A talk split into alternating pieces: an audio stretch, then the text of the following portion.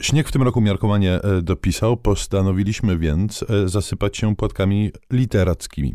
Pięć utworów literackich, w których śnieg odgrywa niebagatelną rolę. No i zacznijmy od debiutanckiej powieści Patryka Fiałkowskiego pod tytułem Śnieg Widmo.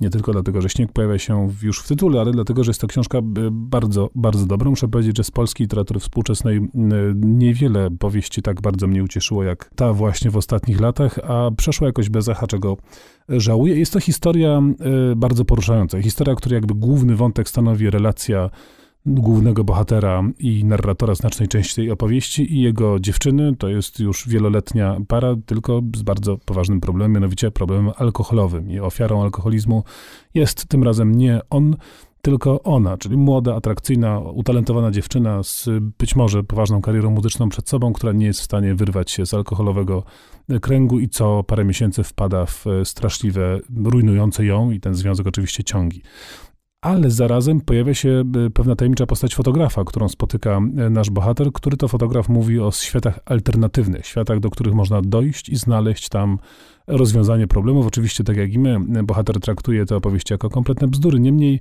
no, jak człowiek jest w sytuacji tragicznej, chwyta się e, każdej możliwości i rozpoczyna nasz bohater próbę dotarcia do e, tamtych światów. I ten tytułowy Śnieg Widmo pojawia się w takiej kluczowej scenie, scenie, która powraca w tej książce, jest w ogóle, wywodzi się ze wspomnień bohatera, który kiedyś na pewnej zamarzniętej rzece przeżył coś w rodzaju mistycznego doświadczenia, którego wówczas nie zrozumiał i teraz będzie musiał powtórzyć to doświadczenie, znowu wrócić na skutą lodem e, rzekę e, w tym sypiącym z nieba śniegu i próbować przebić się do innej rzeczywistości. To jest taka klamra, która spina ten obraz i niesłychanie plastyczna scena, w której śnieg rzeczywiście jest takim ogromnie mocnym obrazem i motywem. Kolejna książka na naszej e, śniegowej liście to Smilla w labiryntach śniegu Petera Hege. To też jest książka, w której jedną z postaci jest e, kobieta w kleszczach nałogu alkoholowego. E, ta kobieta jest matką chłopca, który na samym początku e, ginie, a który zaprzyjaźnia się z tytułową e, Smillą wbrew jej początkowej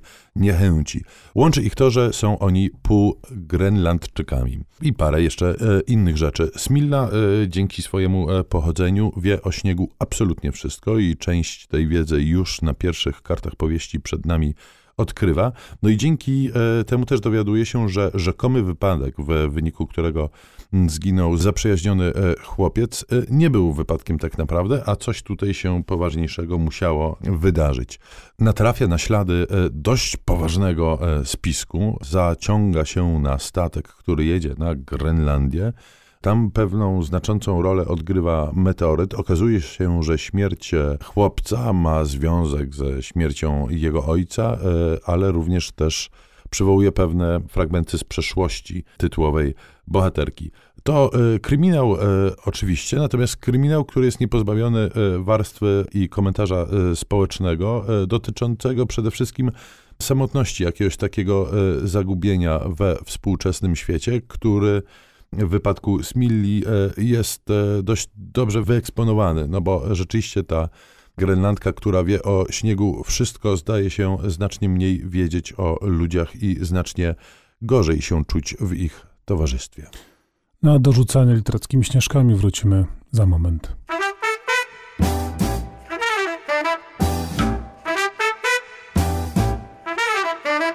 Piątka z literatury. Polecają Szymon Gloszka i Tomasz Pindel z Instytutu Książki. Wracamy do e, literackiej Śnieżycy e, i tym razem przed nami powieść bardzo ostatnio głośna w Polsce. Tak, my w ogóle jakoś e, dotąd nie wspominaliśmy o Jonathanie Franzenie, pisarzu, który także i w Polsce wreszcie się przebił. No to jest w literaturze amerykańskiej, światowej ostatnio, no ostatnio już od ładnych paru lat, bardzo mocne nazwisko i jego chyba najsłynniejszą powieścią pozostają korekty kawał rzeczywiście literackiej, dobrej, realistycznej roboty i wątek y, śnieżnych świąt pojawia się tam bardzo, y, bardzo wyraźnie, bardzo mocno, bo to jest w ogóle historia rodzinna. Opowieść y, o rodzicach i trójce dorosłych już dzieci, które mają swoje życie zorganizowane, bądź tak naprawdę, jak szybko zdajemy sobie sprawę, raczej zdezorganizowane. Jakby punktem kluczowym tej całej historii jest plan matki, seniorki rodu, która chce, żeby cała rodzina spotkała się u nich w domu na święta. I rzeczywiście do tego spotkania dochodzi. E, wcześniej poznajemy perypetie e, tej całej rodziny. To jest naprawdę wycieczka w głąb e, psychologii, ale też historii tych poszczególnych osób. Znakomicie rzeczywiście to zrobione. No i mamy tę, tę, tę kluczową, finalną scenę świąteczną. Tam faktycznie pełno jest śniegu, więc takie święte jak z obrazka, których my ostatnio w Polsce raczej nie doświadczamy, więc jest biało, jest kolorowe, są światełka i tak dalej. Natomiast, no cóż, co tu dużo mówić, nie zdradzając zbyt wiele, święta rodzinne mogą okazać się jednak koszmarem i ten biały puszek, który wszystko przykrywa, jest tylko zamaskowaniem, wręcz ironicznym komentarzem do tego, co tak naprawdę dzieje się pod powierzchnią e, rodzinnych relacji, które są i straszne, i piękne, i skomplikowane, i niejednoznaczne. I to w tej powieści rzeczywiście pokazane jest w tych śniegowych scenariach znakomicie. Jeszcze Śnieżynka e, Drobinka, która przywędrowała do nas z Rosji. I Rosję kojarzymy e, raczej z takimi dość przytłaczającymi ilościami śniegu. Syberyjskimi. A, a tu proszę, Antoni Czechow i żarcik. Króciutkie, przepiękne opowiadanie, takiej bardziej ucywilizowanej chciałoby się powiedzieć. Zimy e, pewien pan namawia pewną panią, Nadię, na jazdę saneczkami. Ona przerażona patrzy się na zaśnieżony stok i nie może się zdecydować, ale w końcu siada na saneczkach, zjeżdżają razem i w trakcie tej jazdy pada e, wyznanie miłosne, ale Nadia nie jest pewna, czy usłyszała, czy jej się przesłyszało. I postanawia zjechać jeszcze raz. I kolejny, i dnia następnego.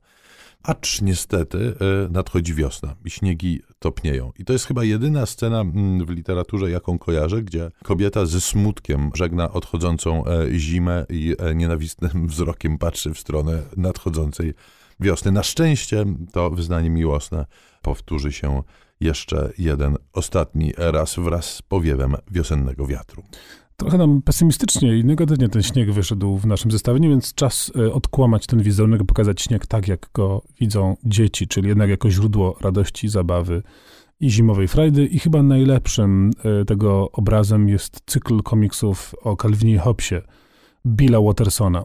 To w ogóle jest znakomity cykl wydany po polsku w całości, ale już od dawna nie jest wznawiany, więc nie tak łatwo upolować, a, a warto, bo niewiele jest takich komiksów, e, w tym przypadku w stylu paskowym, o takim poziomie artyzmu i dowcipu i doskonałości. No, I w Calvin... tym wypadku jest to rzeczywiście obraz w sensie ścisłym, to znaczy te wszystkie harce Kalwina i Tygrysa przedstawione na śniegu są zrobione bardzo przekonująco. No i też trzeba powiedzieć, że specjalnością Kalwina, która przewija się przez wiele odcinków tej historii, jest właśnie lepienie bałwanów. No ale jeśli myślą sobie państwo, że lepiej takie bałwany sympatycznie uśmiechnięte z marchewkowym nosem i garnuszkiem i tak dalej, otóż nie. On przeważnie lepiej jakieś potwory, jakieś sceny masakry obciętych głów, y, bałwany, które toczą boje, pożerają się nawzajem i to oczywiście budzi dużą konsternację przede wszystkim rodziców, którzy zastanawiają się nad zdrowiem psychicznym swojego potomka, a my widzimy, że Calvin po prostu posiada dość spektakularną, nietuzinkową wyobraźnię i wie, jak dobrze śnieg wykorzystać. No i to tyle, jeżeli chodzi o naszą literacką śnieżycę. Pozdrawiamy. Tomasz Bałwan-Pindel. I... No, jak ty jesteś Bobanem, tak miało być. Mm. Sopel. I Szymon Sopel, Kloska. A może Śnieżynka? I Szymon Śnieżynka, Kloska.